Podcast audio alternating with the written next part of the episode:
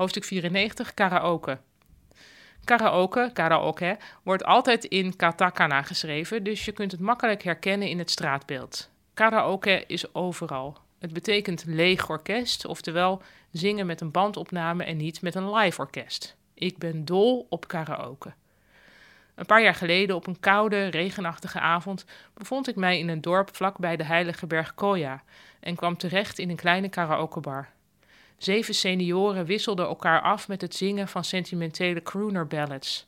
Op het scherm zag ik alle ondertitels in het kanji voorbij komen. Maar hé, hey, er stonden ook hulpkarakters bij. De uitspraak van elke kanji stond er in klein hiragana boven. Dit was mijn kans om nou eens echt te integreren. Ik koos natuurlijk voor het liedje Ue o Muite Aruko van Kyu Sakamoto. Dat kende ik vrij goed. Misschien niet woord voor woord, maar met de hulp hiragana moest het lukken. Zenuwachtig wachtte ik tot ik aan de beurt was. De openingsakkoorden klonken, ik greep de microfoon en... De tekst stond er alleen in kanji, niks geen hulp hiragana. Ue o Aruko was blijkbaar zo overbekend dat iedereen de tekst wel uit zijn hoofd kende. Ik moet eruit hebben gezien als iemand die zich met veel zenuwen en moeite door zeg rood kapje heen worstelde. De zeven Japanse senioren vermaakten zich prima.